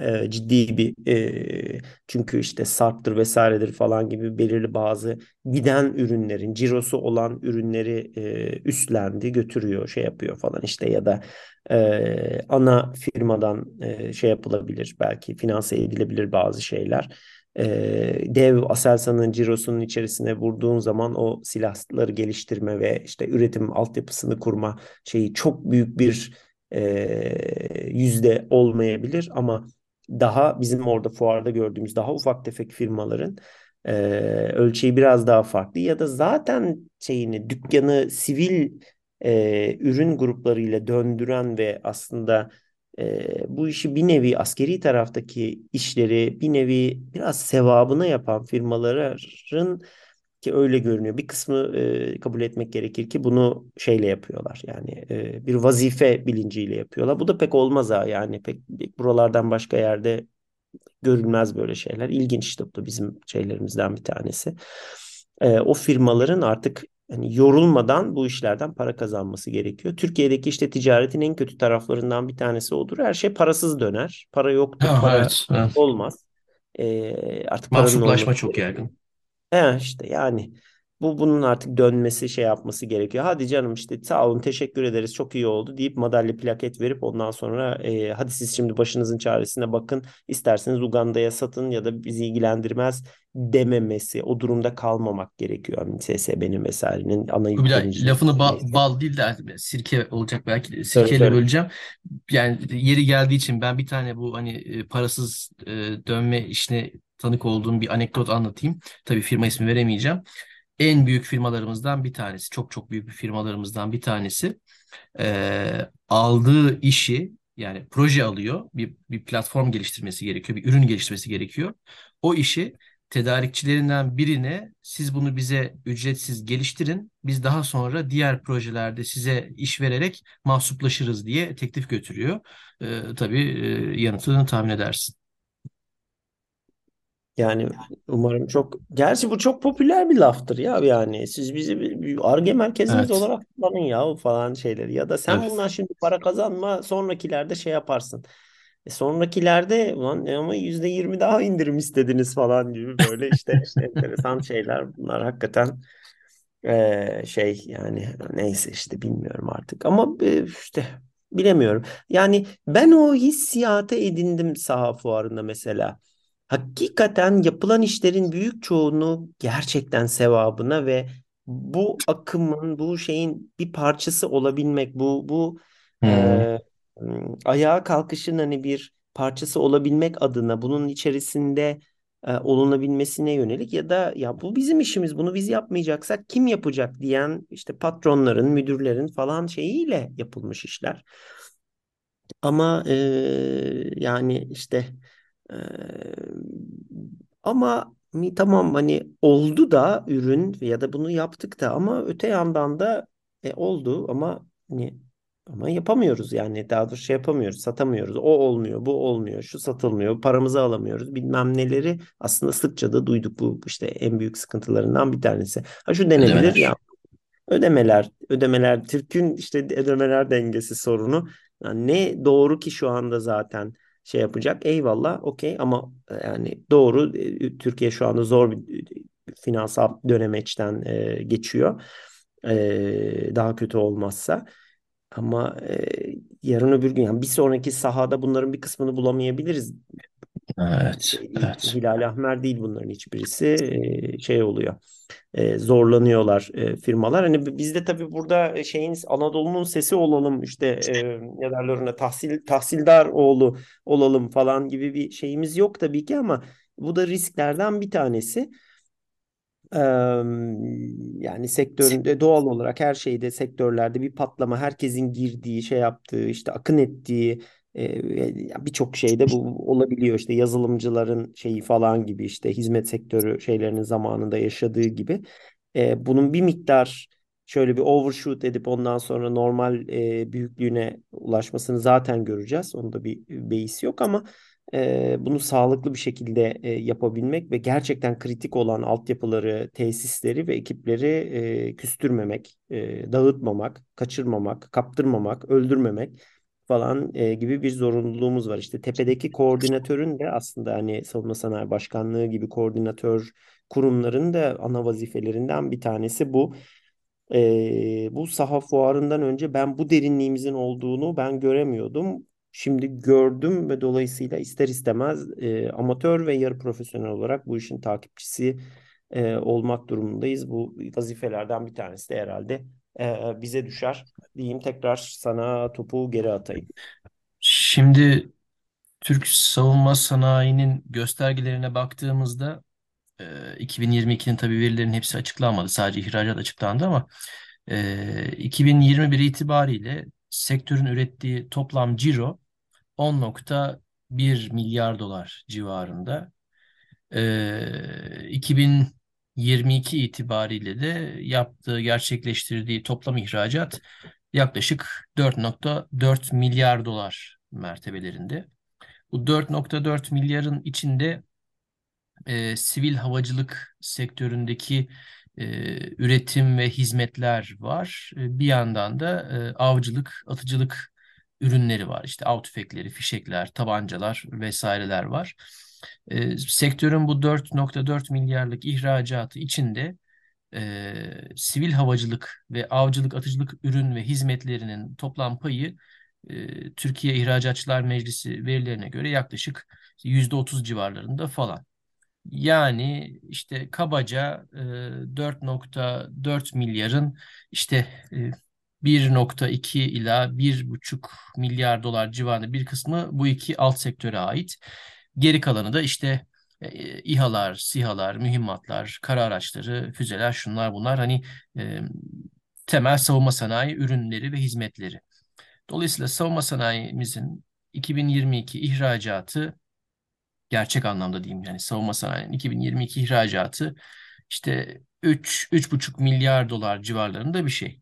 E bunun da 1 1.2 milyarını Baykar tek başına kendisi yaptı yanlış hatırlamıyorsam. Yani 1 milyar dolar aşmışlardı herhalde. E, öyle olsa da olmasa da hani çok ciddi bir miktarı Baykar'dı. E, sektörün toplam cirosu işte dediğim gibi 2021'de 10.1 milyar dolardı. E, tahmin ediyorum 2022'de bu miktarın üstüne çıkmıştır. İşte belki 11-12 milyar dolar civarlarını herhalde zorlar. Tabii bunun bir kısmı da ithalata gidecek. E, belli alt sistem, bileşen ürün ve hizmetleri ithal etmek durumundayız üretmek için. E, 2021'de ithalat, ihracat miktarı ihracat lehine biraz bozulmuştu. İşte ithalat 2 milyar dolar civarlarındaydı. E, zannediyorum 2022'de de benzer bir şeyde seyreder. 2 milyar dolar civarlarında olur. Hani onu toplam cirodan çıkartırsak da e, yuvarlak hesap 9 milyar dolar civarında bir sektör cirosundan rahatlıkla bahsedebiliriz. E, bu kadar rakamları niye verdim? Şunu söylemek için verdim. E, Türkiye 700 750 milyar dolarlık bir ekonomi. Yani belki 2020, 2022'de daha da büyümüştür. De ki 800 milyar olsa ama tabii bunu söylerken bir yandan da şunu düşünüyorum. Döviz kuru ne oldu? Neyse yani en azından 2021 verisiyle konuşalım.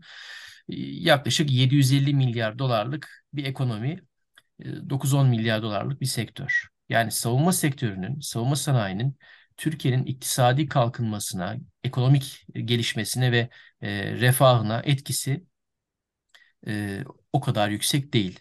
Ne kadar yüksek değil? İşte basında, kamuoyunda, sokakta, şurada burada konuşulduğu, tartışıldığı nispette derin ve güçlü bir etkisi yok ekonomide. Ama esas etkisi başka yerlerde. Nerede? İşte ulusal savunmada, dış politikada, e, toplumsal psikolojide, siyasal psikolojide, ilet siyasal iletişimde ve diğer alanlarda. Ama savunma sektörü e, ekonomide, ekonomik kalkınmanın, Türkiye'nin ekonomik, e, sanayi ve teknolojik e, kalkınmasının bir itici gücü değil. Savunma sektöründe e, 70-80 bin civarında e, iş gücü istihdam ediliyor. 2021'de 75 bindi. İşte kayıplar var. Sektöre yeni gelen mühendisler, çalışanlar var. Yine 70-80 bin arasında olduğunu tahmin edebiliriz. Yani yuvarlak hesap 75 bin diyelim. E, ama Türkiye'de 2022 itibariyle 31,5 milyon toplam istihdam var. Yani toplam istihdamda da ciddi bir payı yok savunma sektörünün. Ama nerelerde payı var? İşte az önce bahsettiğim e, dış politikada, ulusal güvenlikte, terörle mücadelede şurada burada. E, buradan nereye geleceğim? Buradan COBİ'lere geleceğim. Savunma sektöründe özellikle savunma teknolojilerine yönelik, askeri teknolojilere yönelik alan uzmanı COBİ'lerin ayakta kalabilmesi için savunma sektöründeki bu e, finansal ortamın, e, ekonomik ve ticari ortamın e, bereketli olması, verimli olması, toprak koşullarının, iklimin buna uygun olması gerekiyor. Hani e, füze, çok, çok mübalağalı bir örnek olacak ama ne demek istediğimi daha iyi anlatmak için vereceğim. E, füze üreten bir KOBİ ile e, işte yapay zeka tabanlı otomatik e, kontrol sistemi ya da bir karar destek sistemi üreten KOBİ'nin e, sektör içi olumsuz gelişmelerden, finansal darlıktan etkilenmesi ve buna karşı önlem geliştirmeleri farklı olacaktır. Sivil sektörlere tahvil edilebilen kabiliyetlere, ürün ve projelere sahip, yetkinliklere sahip KOBİ'lerin hem iç sektörde hem de uluslararası pazarda, ihracatta e, o riski dağıtabilmek için, İngilizce tabirle mitigate etmek için, e, o riski sönümlemek ve e, nakit akışını nakit kaynaklarını çeşitlendirebilmek için fırsatları daha fazla olacaktır. O zaman şuna geliyor iş. E, yalnızca savunma ve havacılık sanayine ve yalnızca iç pazara yönelik e, üreten, e, geliştiren, iç pazardaki ana entegratörlere bağımlı yaşayan bir KOBİ'nin ayakta kalma ya da e, risklere maruz ayakta kalma şansı düşük, risklere maruziyeti e, bir o kadar yüksektir. E, o zaman da neye geliyor iş? Bu fil özellikle bu tür hem alan uzmanı hem de çok kritik, çok spesifik niş alanların uzmanı kobilerin böyle pamuklara sarmalanması, korunması, kollanması gerekiyor. He, o zaman da şuraya geliyoruz. Pamuklara sarıp sarmalanması gerekenler ana entegratörler mi, kobiler mi, kobilerden de hangileri?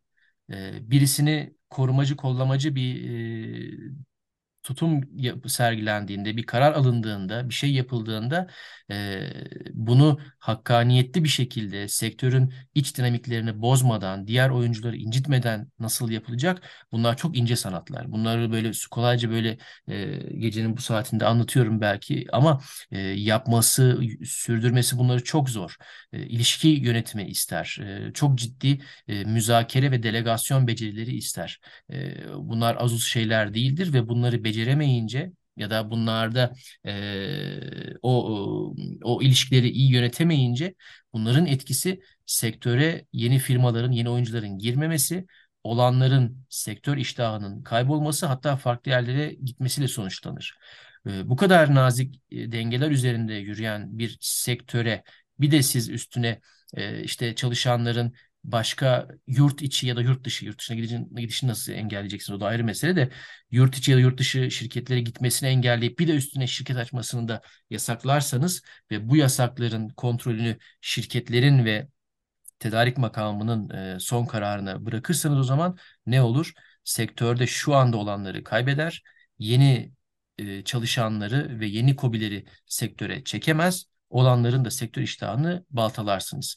Bu e, yalnızca yurt dışına e, gidişi önlemek için e, alınmış bir tedbir olsa bile etkileri itibariyle yurt dışına gidişi hızlandırması bir yana yurt içindeki KOBİ'lerin konumlarını ciddi anlamda zora sokabilir. E, KOBİ'lerin e, ana yüklenicilerle ilişkilerini bozabilir. Çünkü Saha Expo'da pek çok e, bu tarz bu profilde e, şirket yetkilisiyle seninle birlikte sohbet ettik. E, şimdiye kadar hem 58. bölümde hem bu bölümde şimdiye kadar konuştuğumuz firmalardaki e, kurucuların ve üst düzey yöneticilerin büyük kısmı ana yüklenicilerden e, ayrılmış. Buralardaki deneyimlerini firmalarına aktarmak aktarmış olan insanlar. E, bu insanların e, yüzü suyu hürmetine, bu insanların sırtında bazı ürünler, teknolojiler, çok ciddi başarılar kaydedilmiş. E, ve bu kadar e, KOBİ sırtında yükselen, KOBİ sırtında yürüyen bir sektörde e, bu tarz e, firmaları e, böyle korumacı, kollamacı bir e, iklim e, e, oluşturulması gerekirken e, böyle bir hamle e, tabii detaylarını veya şeyini görmek gerekiyor ama gördüğümüz kadarıyla bu tarz bir hamle e, tam aksine e, piramidin en tepesindekilerin e, artık piramit değil e, bunu bir e, ters piramit şeklinde e, konumlandırmasına böyle bir sektör yapısı oluşmasına yol açabilir. Bu da kesinlikle sürdürülebilir bir şey değil. E, ya bu notu da uzun zamandır zaten kafamda dönen bir e, tilkilerden bir tanesinin kuyruğuydu. Yakalamışken burada hani paylaşmak istedim. Son olarak da e, kapanma, kapanıştan önce sana son sözü vermeden önce de e, şeyden bahsetmek isterim. E, hani aslında az şimdiye kadar söylediklerimin bir diğer uzantısı olarak dediğim gibi sektörün e, yarattığı ciro Türkiye ekonomisiyle kıyaslandığında aslında epey mütevazı. Böyle bir ortamda ve özellikle son yıllardaki sektör için nakit akışının bu kadar sıkıntılı olduğu bir ortamda ihracat çok daha ön plana çıkıyor. Ee, burada da aslında e, ihracatı teşvik edici, e, ihracat pazarında rekabetçiliği artırıcı e, politikalar konusunda KOBİ'lerin çoğu durumda, çoğu yerde hem sektörün ana yüklenicileri hem de aslında sektörün e, kamu tarafını dahi geride bırakacak bir e, hıza sahip olduğunu pek çok kereler zaten görüyordum. E, sahada da aslında bunu bir kez daha görmüş ve teyit etmiş oldum. Hatta beni olumlu anlamda şaşırtan çok çok böyle mikro ölçekli işletmelerin dahi yurt dışıyla çok başarılı işler kurduğunu, e, yönettiğini gördüm. E, bu bizim aslında enteresan bir özelliğimiz. Dünyanın hiç böyle beklemeyeceğiniz, ummayacağınız köşelerinden dahi bir tane Türk şirketi çıkıveriyor. Enteresan böyle bağlantılar yapıyor ve iyi işler yapabiliyor. E, bu anlamda enteresan bir şeyimiz var. Belki hani akıncı kültürü mü dersin, e, bizim e, genlerimizdeki o göçebelik ya da e, bulunduğu coğrafyaya, ortama kolayca adapte olabilme yeteneği mi dersin bilemiyorum. E, yani belki de bize özgü bir haslet midir ondan da emin değilim ama e, farklı sektörlerde gözlemlediğim bir şeydi bu. E, çok farklı ülkelerle, çok farklı coğrafyalarla hızlı bir şekilde iş ilişkisi kurabilen bir e, KOBİ e, kültürümüz var. E, bu anlamda çok dinamiyiz. Bunun aslında bize ihracat, yani sektörün geneline dair ihracat anlamında çok enteresan açılımlar sağlayabilmesi söz konusu olabilir. Bizim savunma sanayinde şimdiye kadar yapa geldiğimiz ihracatlar çok büyük ölçüde aslında devlet tarafından kurulan ilişkilerin sonucuydu. İşte Azerbaycan, Ukrayna, Pakistan, e, Katar örnekleri başta olmak üzere. Daha önceden Birleşik Arap Emirlikleri şimdi onlar tekrar başlayacak, başladı ya da Suudi Arabistan. Bunların hepsi devletin himayesinde, devletin liderliğinde e, ve inisiyatifiyle başlamış ve daha sonra sektöre e, tahvil edilmiş, sektöre delege edilmiş e, ilişkilerdi. Ama e, giderek artan şekilde özellikle Avrupa pazarında KOBİ'lerimizin e, hem entegratörlerle hem Avrupa'daki son kullanıcı ve e, tedarik makamlarıyla böyle çok e, enteresan, e, hızlı, belki mali boyut olarak e, mütevazı ama e, çok böyle prestijli işler yapabildiğini e, gördüm. Bu da aslında bence üzerine eğilinmesi gereken bir özellik. E, pek çok e, konuda e, bizim küçük şirketlerimiz hatta startuplarımız, spin-off'larımız e, büyük firmaları peşlerinden sürükleyerek e, şu sıralarda çok çok büyüyen ve daha da büyüyecek olan e, Avrupa pazarında e, enteresan şeyler yakalayabilirler. Hani bunu da bir not olarak düşmek isterim. Ben bu bu konu üzerine e, epeydir e, tarama yapıyorum, okuma yapıyorum. Hani Avrupa'daki artan e, savunma pazarı ve bunun etkileri üzerine Güney Kore'ye bir kısmını, ciddi bir kısmını kaptırdık. Biraz daha kaptıracağız gibi gözüküyor ama e, e, bunun gibi pazarlarda e, Avrupa pazarında, Güney Amerika'da e, ve Afrika'da tabii e, bu tarz e, dinamik e, şirketlerle ilginç işler yapmamız, çok enteresan başarılar kazanmamız işten bile değil diye düşünüyorum. Bence doğru düşünüyorsun. Ee, tabii dönem enteresan da bir dönem. Ee, Güney Kore'nin e, son zamanlarda elde ettiği başarının e, ana e, etkenlerinden, temalarından bir tanesi de hazır ürünü, hazır üretim altyapısıyla tıp diye verebilmesi, teslim edebilmesi. Ee, işte o tam olarak biziz aslında aynı zamanda. Ee, çeşitli işte e, tereddütler vesaireler falan filan olabilir. Türkiye'den silah sistemi tedariki vesairesi anlamında çünkü komponentlerinden işte şey olacak mı? Ee, ihraç lisansı verilecek mi, verilmeyecek mi vesaire falan işte endişeleri olabilir firmaların. Ama o konuda e, dediğin gibi bir bir e, şansımız olacağını düşünüyorum ve e, savunma sanayiyle e, yeterince uzun süredir çalışan, onlara artık yetkin bir şekilde alt komponent ve sistem veren ve çoğunluk kariyerlerinin başlangıcını büyük ana sanayi, senin de söylediğin gibi e, savunma sanayi firmalarında yapmış. İşte Türkiye'nin iyi üniversitelerinden mezun insanların, işte kimisi Amerika görmüş vesaire falan e, insanların kurduğu firmaların zaten hali hazırda farklı şeyleri de var. Yani yurt dışıyla iyi ilişkileri var. E, ticaret yapıyorlar. Sivil daha işte e, akademik taraflarda, özel niş ürünlerde, bir takım mühendislik çalışmalarında falan. Bu insanlar zaten şeylerini, dükkanlarını çoğunlukla böyle döndürüyorlar. Ee, ve savunma sanayine yaptıkları işler, Türkiye'deki savunma e, projelerine verdikleri ürünler falan da genelde işte e, daha e, hani düşük cirolu işler ya da işte Türkiye'deki az önce sızlandığımız e, nakit akışı sorununu e, işte tolere edebilecek, onu biraz destekleyebilecek başka gelir kalemleri falan oluyor. Ve bunların da çoğu aslında son derece rekabetçi e, e, yurt dışı e, piyasalarında edinilmiş başarılarla sağlanan gelirlerle e, e, yapılıyor. Orada bence yeterince yetişmiş bir şey var. Bir ekip var. Bunu tabii beslemeye devam etmek gerekiyor. Burada son belki söyleyebileceğim şey şu olabilir. Kötü ben işte Türkiye'deki otomotiv sektörünün gelişimine şahitlik etme şansım oldu. İşte ailemde çok yakın akrabalarım vesaire işte onların e, otomotivdeki işleri sebebiyle benim hakeza işte e, uzağından yakınından değmiş olmam ve hala iyi kötü o sektöre ile e, dirsek teması içerisinde olmam sebebiyle e, e, sektördeki değişimi, başkalaşımı vesaireyi görebiliyorum. E, kah endişeyle, kah e, işte kah bir şeyle değil, kah endişeyle yani çoğunlukla endişeyle şu anda. E, yani işte Türkiye'nin otomotiv endüstrisi için e, ve daha teknik e, otomotive yönelik üretim e, serüveninde 90'lı yıllar, 90'lı yılların ikinci yarısı Gümrük Birliği'nin devreye girmesi ve 2000'li yılların başı çok kritik, önemli kırılmaların olduğu bir dönem. E, çünkü e, ciddi sayıda otomotiv yatırımının Türkiye'de yapıldığı, işte Toyota'nın geldiği, Honda'nın geldiği, işte e, Otosan'ın çok büyüdüğü, e, Tofaş'ın e, artık Fiat logolu araçlar üretmeye başladığı vesaire falan filan bir e, dönem.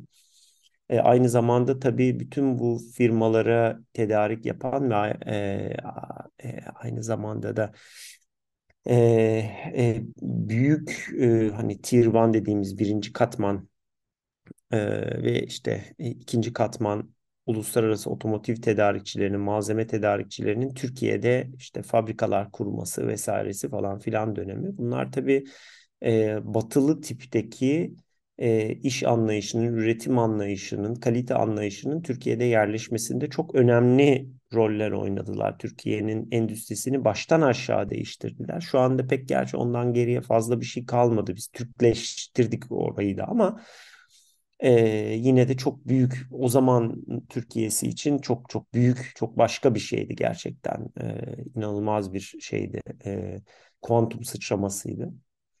E, ve bu dönemi de aslında ciddi bir motivasyonla, bir gelecek e, umuduyla, e, iyi gelirlerle, iyi paralar kazanarak vesaire e, çok Türkiye'nin kaymak tabakasını bu e, işlere e, kanalize ederek başardı Türkiye. İşte e, Türkiye'nin iyi üniversitelerinde işte yine hakeza e, yurt dışında yüksek lisanslar yapmış şey yapmış falan işte teknik insanları e, ekonomi okumuş insanları, işletme bilen insanları vesaire bunları ve işte teknikerleri, e, mavi yakalıları bunları e, bu sektöre yoğun bir şekilde e, kanalize ederek bunu başardı.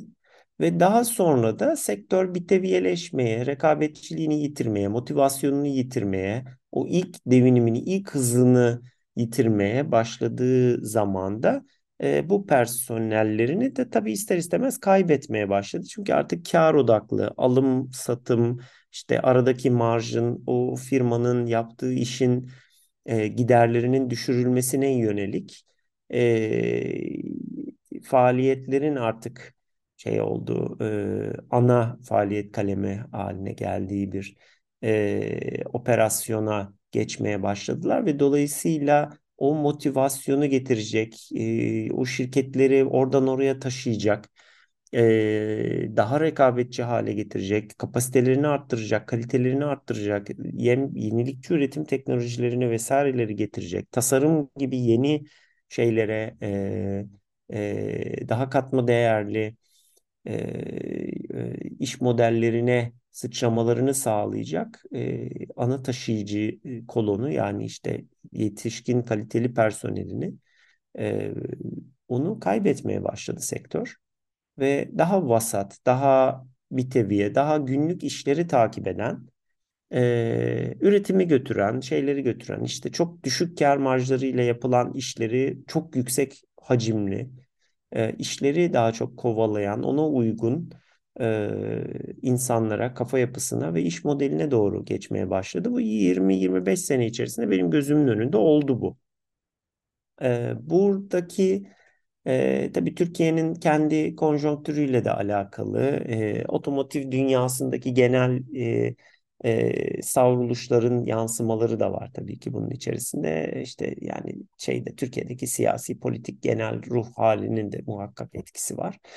Ee, ancak e, Türkiye'nin taşıyıcı kolonu ana lokomotif sektörünün aslında bir teviyeleştiği, sıradanlaştığı ve e, yerinde saymaya başladığı bir dönemi gördük. Burada tabii bunun insan kalitesine ve insan e, e, havuzuna da etkilerini hakeza gördük. Şimdi tabii benzer bir şeyi ben savunma sanayinde de yaşayacağımızı düşünüyorum. Çoğunlukla Türkiye'nin en iyi üniversitelerinin işte belki 2, 3, 4 üniversitesinin e, e, havuzundan faydalanan, onunla yetinebilen, büyüklüğü vesairesi falan da işte onu onu çevirmeye yeten e, ana sanayi firmalarımız falan artık şey olmaya başladılar işte mesela TUSAŞ'ın büyümesi falan inanılmaz yani adetler gerçekten şey personel büyümesi korkunç bunun bizim e, işte şeylerin e, 3-4 üniversitenin destekleyebilmesi falan mümkün değil gerekli de değil belki zaten. E, fakat işte şeyi e, bu bu personelin bu firmalara girmiş olan, bu firmalarda tecrübelenmiş olan e, personelin tabii biraz daha farklı yerlerde ana ana sanayideki ana firmaları e, terk ederek başka sektörlere, aynı sektörde başka firmalara ya da daha küçük firmalara, daha e, işte startup benzeri firmalara geçmesi çok son derece doğal ve son derece de sağlıklı aslında. Bunu kısmen otomotivde de gördük fakat e, bu tabii biraz daha ticari e, dişliler arasında e, belki ezildi gitti diyebiliriz. E, Türkiye'de de yani mesela işte ben TOG projesini açıkçası işte artık e, şey olmuş e, e, motivasyonunu, e, dinamizmini yitirmiş bir otomotiv sektörüne e, belki kalp masajı diyebileceğim kadar dramatik değil ama bir doping enjekte etme, yeni bir vizyon verme, yeni bir ülkü ufuk verme e, projesi olarak da e, görüyorum. O şekilde yorumluyorum ve yer yer o şeyin tuttuğunu da düşünüyorum. O aşının tuttuğunu da düşünüyorum ve aslında iyi ya da kötü buna benzer bir projenin lüzumlu olduğunu da düşünüyorum. Savunma sanayi içerisinde için de aslında benzer bir e, şeyin parkurun e, gerçekleşeceğini e, tahmin ediyorum. Burada tabii ana sanayinin, ana e, firmaların artık ürünlerinin bir biteviyeleşmesi, işte e,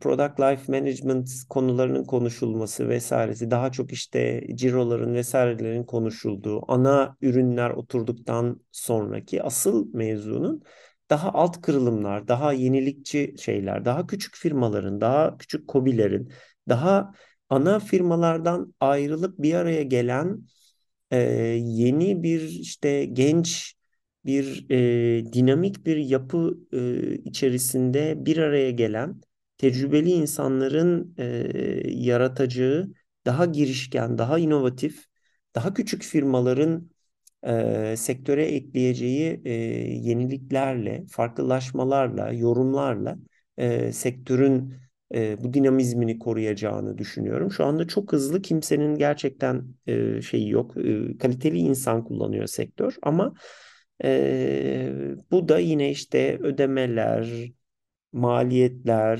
finansman, kar marjları vesaire falan şeyleri içerisinde e, dişleri e, içerisinde öğütülmeye mahkum ister istemez.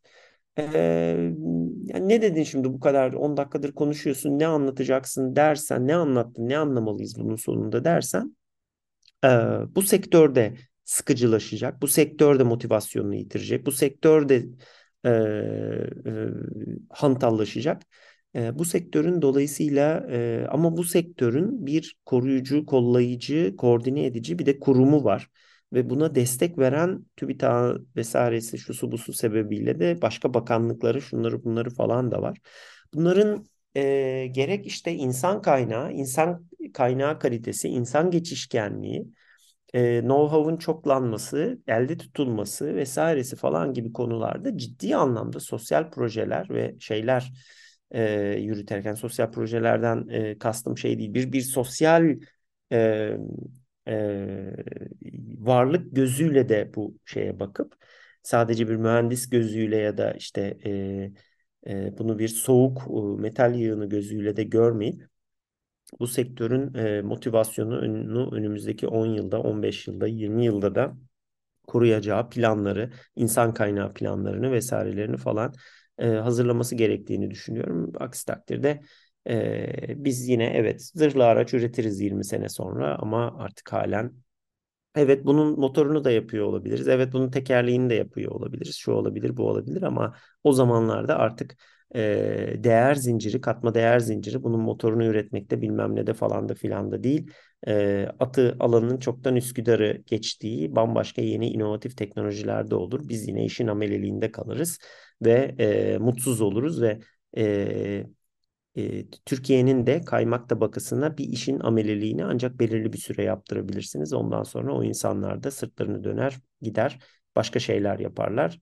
E, heyecanın peşine, tatminin peşine, mesleki tatminin, paranın vesairenin peşine e, giderler. Bu otomotivde böyle oldu. Oluyor da hala.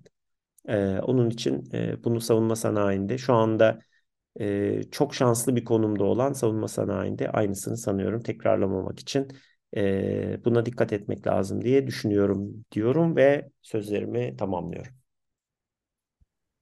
Aslında benim söyleyeceklerimin e, büyük ölçüde sen e, söyle, söyledin. E, bana bir şey bırakmadığın için teşekkür ederim. Çünkü çok benzer endişeleri taşıyorum. E, bir süre sonra e, dediğin gibi e, eğer bir e, hikaye, bir bir hikaye. Evet. kendine özgü bir şey hikaye e, Evet. üretemezse savunma sektörünün ve hatta Türkiye'nin e, cazibesini e, kaybedebileceği ya da e, en azından rekabet ettiği diğer sektör ve ülkeler arasından sıyrılamayabileceği gibi bir risk var. Ee, tabii şu da var hani e, şimdi bö- bunu da böyle söylüyoruz daha sonra yanlış anlaşılabiliyor. Hani bir riskten e, bahsetmek bu böyle olacak demek anlamına gelmiyor. Bu hesaba katılması, değerlendirilmesi ve e, buna yönelik e, önlem Evet. alınması gereken bir risk olduğu için. E, arabaya bindiğim zaman e, kaza yapacağım diye bilmiyorum. Ama e, arabaya bindiğim işte em- zaman emniyet kemerimi takmazsam, bakımlarını zamanında yapmamışsam eğer bir kaza olması riski yüksektir. Kaza yapma riskim var e, farkındalığıyla eğer sürüyorsam tamam. Dolayısıyla bizim sektörün bir hikaye yaratmazsa, dinamizmini kaybederse, işte sektör içi dinamikleri gözeterek belli bir politika, bir hep aynı örne şeyi söylüyorum. Bir trafik polisliği mekanizması kurmazsa cazibesini, e, gücünü, öz kütlesini kaybedebilmesi riski yüksek. E, bunu not etmek, bunu gözden kaçırmamak e, gerekir. E, tabii ki sektörün e, genel olarak e, kaydettiği gelişmelerden hakikaten gurur duyuyoruz. Ben her yerde aynı örneği veriyorum. Yani benim ilk gittiğim İDEF 1999 hani oradaki e, manzara yabancı firmaların irili ufaklı e, firmaların Evet. her Doğru. türlü ürünü Türkiye'ye pazarladığı bir e, ticaret e, ticari etkinlikti. Şimdiki İDEF'ler, şimdiki sahalar, expolar bu şeyler çok farklı. Bu sefer yabancılar gelince en fazla ya sizinle birlikte ne yapabiliriz diye geliyorlar. Evet. büyük çoğunlukla tabii farklı şeyler de var. O da ayrı mesele. Ee, bu anlamda e, bu bütün e, manzarayı, e, bu bütün e, ortam koşullarını e, yerinde görmek, şimdiye kadar görmediğimiz ya da bilmediklerimizi de öğrenmek açısından Saha Expo gerçekten güzel bir deneyimdi. Ee, zaten ondan sonraki süreçte gözlemlediklerimiz de e, bu e, şeyleri teyit etti. E, bu verileri teyit etti. E, zannediyorum önümüzdeki bir iki yıl içerisinde de hani olumlu ve olumsuz anlamda e, gidişatı e, ve bunun meyvelerini daha da net bir şekilde göreceğiz. E, çok iddialı projeler var, platform projeleri var. Bunların başarılı bir şekilde yürütülebilmesi ve e, sonlandırılması için e, KOBİ'ler e, hayati de- öneme sahip.